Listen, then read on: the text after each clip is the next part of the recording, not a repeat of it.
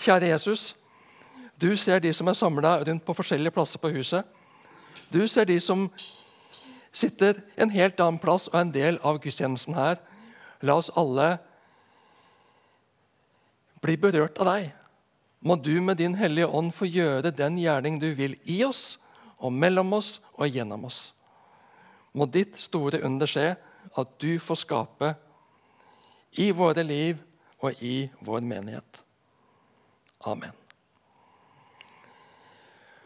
Nå skal dere få reise dere igjen. Nå skal vi lese sammen ifra Lukasevangeliet kapittel 18, vers 1-8. Han fortalte dem en lignelse om at de alltid skulle be og ikke gi opp. I en by var det en dommer som ikke fryktet Gud og ikke tok hensyn til noe menneske. I samme by var det en enke som stadig på ny kom til ham og sa, 'Hjelp meg mot min motpart, så jeg kan få min rett.' Lenge ville han ikke, men til slutt sa han til seg selv, 'Enda jeg verken frykter Gud eller tar hensyn til noe menneske, får jeg hjelpe denne enken til hennes rett, slik som hun plager meg.' Eller så ender det vel med at hun flyr like i synet på meg. Og Herren sa, 'Hør hva denne uhederlige dommeren sier.' Skulle så ikke Gud hjelpe sine utvalgte til deres rett, de som roper til ham dag og natt? Er han sen til å hjelpe dem? Jeg sier dere, han skal sørge for at de får sin rett, og det snart. Men når menneskesønnen kommer, vil han da finne troen på jorden? Slik lyder Herrens ord. Vær så god, sitt. Ser du for deg typen? En maktglad person med stor innflytelse, men totalt uten empati. Det er meg og mitt som teller. Hva tjener min sak? Hva vinner jeg mest på? Jeg vet ikke, men jeg tror at i Norge så er vi i stor grad spart for slike i forhold til i en del andre kulturer. Vi har langt på vei en god kultur her i landet som hindrer grobunn for slike holdninger. Kristne verdier har fått prege samfunnet vårt i over 1000 år, og det skal vi takke Gud for. Men rundt omkring i verden er det mange slike tilfeller. Korrupsjon, rettsvesen som ikke ivaretar den vanlige borgers rett, men kun den som betaler meg mest. Det bryter ned et samfunn. Det hindrer god utvikling, frihet, fred og trygghet. Makt korrumperer. Mye makt korrumperer mye, heter det. Det er en tøff lignelse Jesus kommer med til oss i dag. Om man tror om det var gjenkjennelig for folket som hørte den første gang. Så skal vi ikke uten videre lese inn i teksten en kritikk av datidens rettssystem. Men muligens så var det mange korrupte dommere i Israel, slik at Jesu tilhørere lett så for seg en slik dommer. Men Jesus bruker det også i noen tilfeller unaturlige bilder i sine lignelser. F.eks. såmannen som sådde såkorn både på steingrunn, i tornekratt og på veien, som vi leser om i Matteus 13 og vingårdsmannen som strødde store pengesummer ut over korttidsarbeidere i Matteus 20. Men Jesus tegner her i lignelsen et bilde av en dommer som verken frykter Gud eller tar hensyn til mennesker. En grusom type. Og han tegner et bilde av ei enke som ikke gir seg, men som kjemper for sin rett. Ei fantastisk dame. Dommeren vil ikke bry seg om enka, men til slutt, fordi hun er så masete, og at det bare blir mer og mer ubehagelig for ham selv om han ikke gjør noe, så hjelper han enka til hennes rett, for selv å få fred. Til og med en slask og en despot med egoistiske motiver kan slumpe til å hjelpe.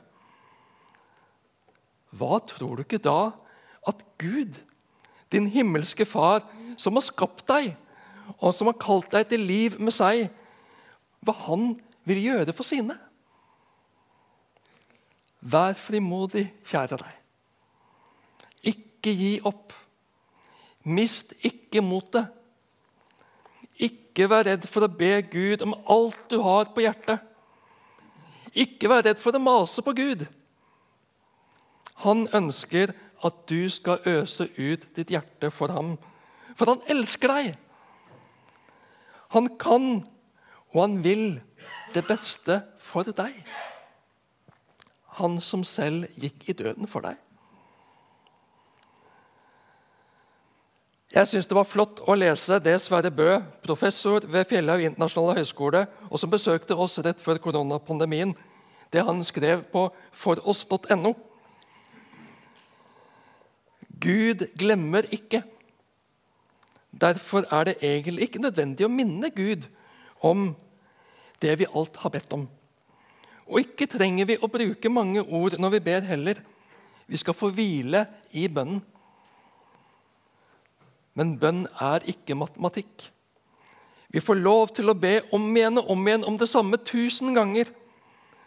For vår egen skyld trenger vi kanskje på nytt å få kaste vår nød over på Jesus. Du skal ikke være redd for å bruke opp kvota di hos Gud. Ordrett så står det på gresk han sa en lignelse til dem om at det er nødvendig at de alltid skal be og ikke trøtne. Guds folk får lov til å be, men samtidig så er det nødvendig å be. Paulus talte ofte om bønnens arbeid. og I Kolosserne 4,2 så leser vi Vær vedholdende i bønnen, så dere våker i den med takk til Gud. Jeg antar at ikke du heller har mye til overs for denne dommeren i Jesu lignelse. Og Vi skal merke oss to karakteristikker som brukes om ham. For det første han fryktet ikke Gud. Og for det andre han tok ikke hensyn til noe menneske. Og Her så antydes det en sammenheng mellom disse to sakene. Uten gudsfrykt kan det bli liten respekt for mennesker. Og Det er en tankegang og en kobling som ofte går igjen i Bibelen.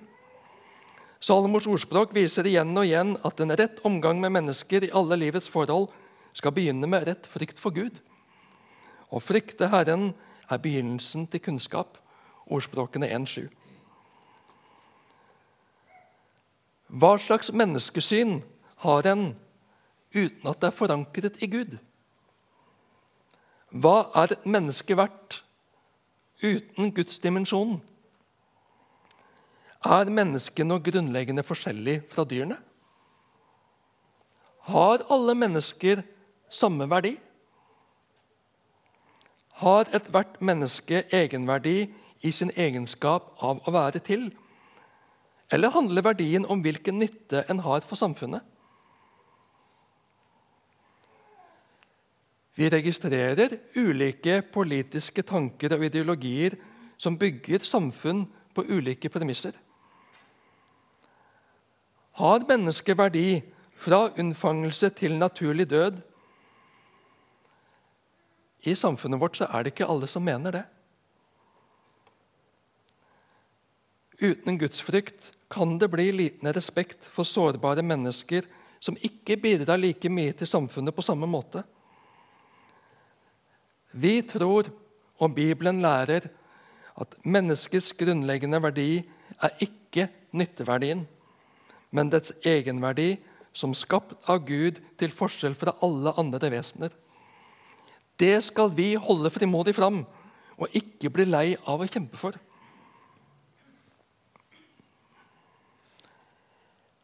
I samme by var det en enke som stadig på ny kom til ham og sa:" Hjelp meg mot min motpart, så jeg kan få min rett.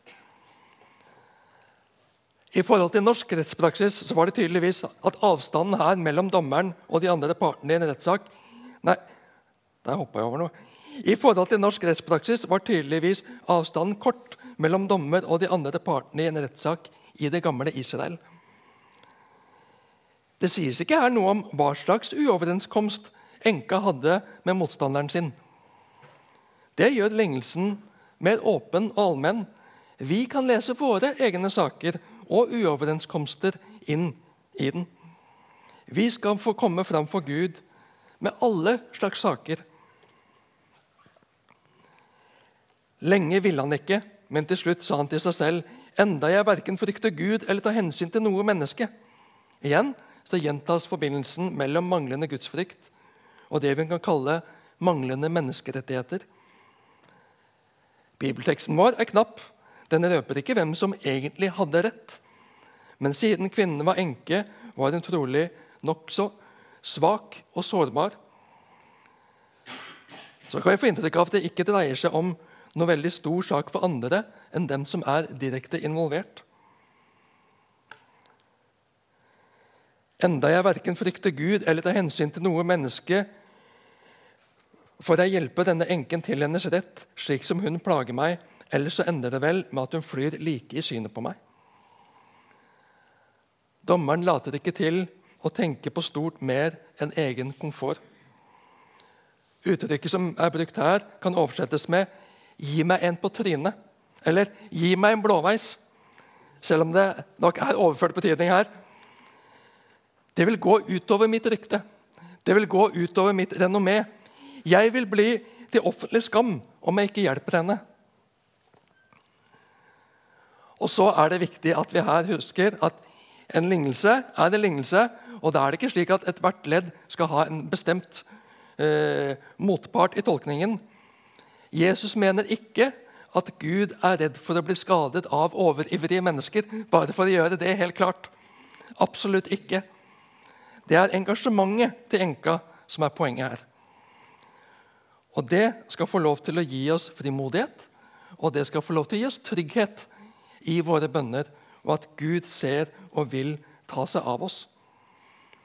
Og Herren sa, 'Hør hva denne uhederlige dommeren sier.'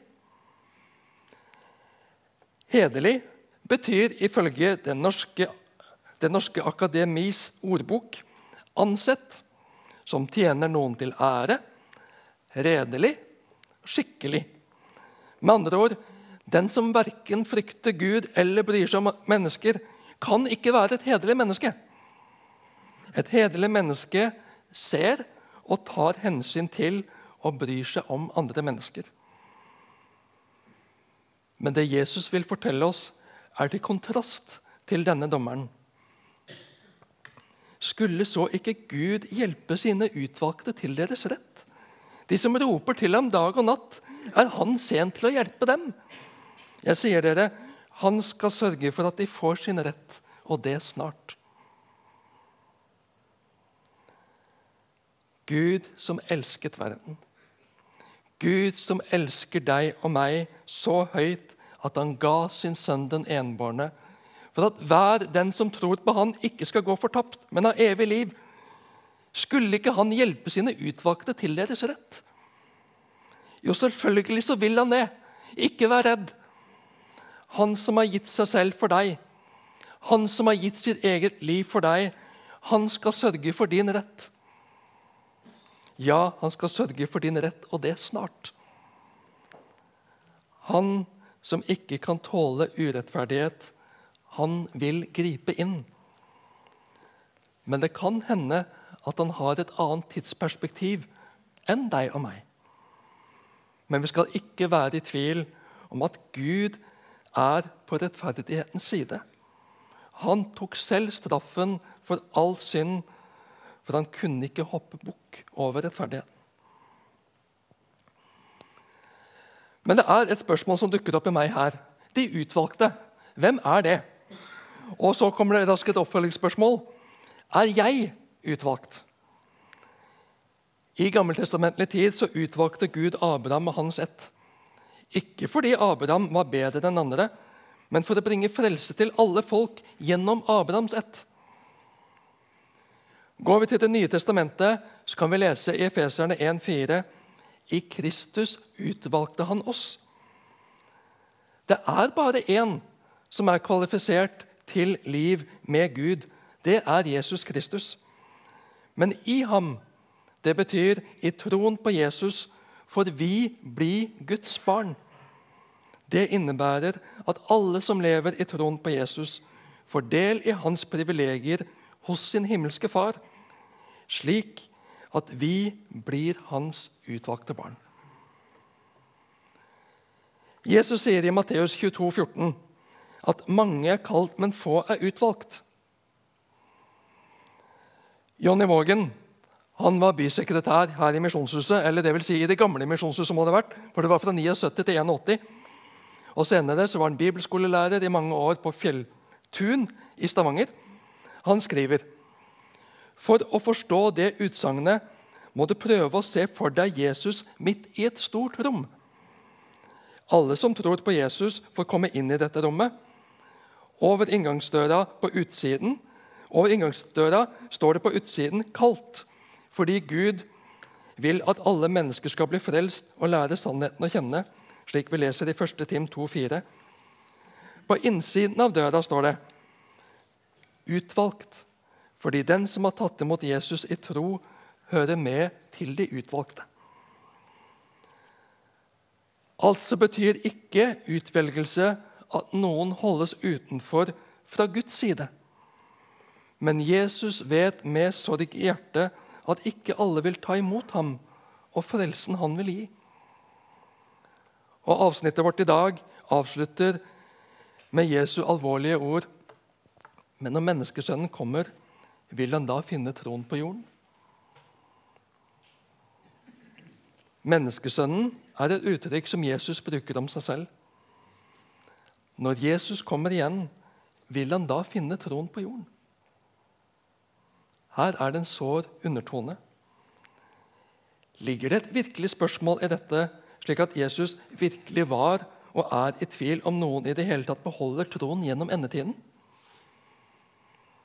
I Matteus 16, 18 lover Jesus Peter og oss at ikke engang dødsrikets porter skal få makt over Guds menighet. Samtidig er utsagnet en sterk advarsel om at troen er en skjør sak. I betydningen den enkelte av oss kan miste troen. Og store menigheter kan bli lunkne, slik vi leser i Åpenbaringen 3,16. Men fordi du er lunken og verken kald eller varm, vil jeg spy deg ut av min munn. Ikke at den tok aktivt avstand fra Jesus, men den ble likegyldig. Det var ikke lenger noe brennende hjerte. Det var ikke lenger noen levende relasjon med Jesus. Jesus spør ikke om det vil være tro eller religion på jorden i endetiden. Han spør etter troen i bestemt form entall. Hver av oss må svare for oss selv. Jesus spør ikke om det vil være kirker eller menigheter, men om det vil være mennesker som lever i troen på ham. Det handler ikke om å holde virksomheten i gang. Det handler ikke om å opprettholde jevne, gode arbeidsår. Det handler om liv i og gjennom Jesus. Vil det, når Jesus kommer igjen, være mennesker som ser at den er fortapt i seg selv? Vil mennesker se og erkjenne at 'jeg kan ikke frelse meg selv'. Jeg er avhengig av Jesu døde oppstandelse til tilgivelse for mine synder. Jesus, jeg trenger deg. Jeg er avhengig av deg. Må ingenting få skille meg fra deg. Jeg makter det ikke selv, Jesus. Jeg er ikke god nok for Gud i meg selv. Jeg trenger din frelse, Jesus. Gud, vær meg synder nådig. Alle mennesker er ubetinget elsket av Gud. Alle mennesker er invitert inn til Gud, vår Far, gjennom Jesus Kristus. Men har vi bruk for ham? Lever vi med Jesus som vår Herre og Frelser? Alle er vi syndere. Alle er vi fortapt i oss selv, og hver for oss har vi alle ulike synder som vi strever med og som kan ta livet i Jesus bort fra oss. Om synden får makten over oss. Om vi hengir oss til et liv i synden. Vi er kalt til å forsake. Vi er kalt til å ta vårt kors opp og følge Jesus. Vi trenger ikke mase på Gud for å få det vi ber om. Gud er ikke tunghørt og uvillig. Men jeg har et tunglært sinn og en stadig egenvilje som vil klare meg sjøl, som vil gi andre ting plass som Gud kaller oss til oppgjør med. Det være seg egoisme, pengekjærhet, maktsyke, løsmunnethet eller på det seksuelle området. Det er så mye i meg og rundt meg som vil lede oppmerksomheten min så mange andre plasser. Og fylle hjertet mitt med så mange andre ting at Jesus lett blir skjøvet ut. Derfor trenger jeg alltid å be og ikke gi opp. Jo, jeg skal gi opp mitt selvbergingsprosjekt. Men jeg skal ikke gi opp troen på og forankringen i at jeg har en Gud som elsker meg, og som vil meg det aller beste. Jeg har en bror, en frelser, en herre, som har gitt seg selv i døden for meg, for å frelse meg fra all synden som jeg både er så glad i, og som jeg forakter, og som henger så fast ved meg. Men Jesus holder. Og du og jeg skal forholde oss til ham. I ham, i Jesus, er vi trygge, rene og rettferdige, himmelen verdige. Amen.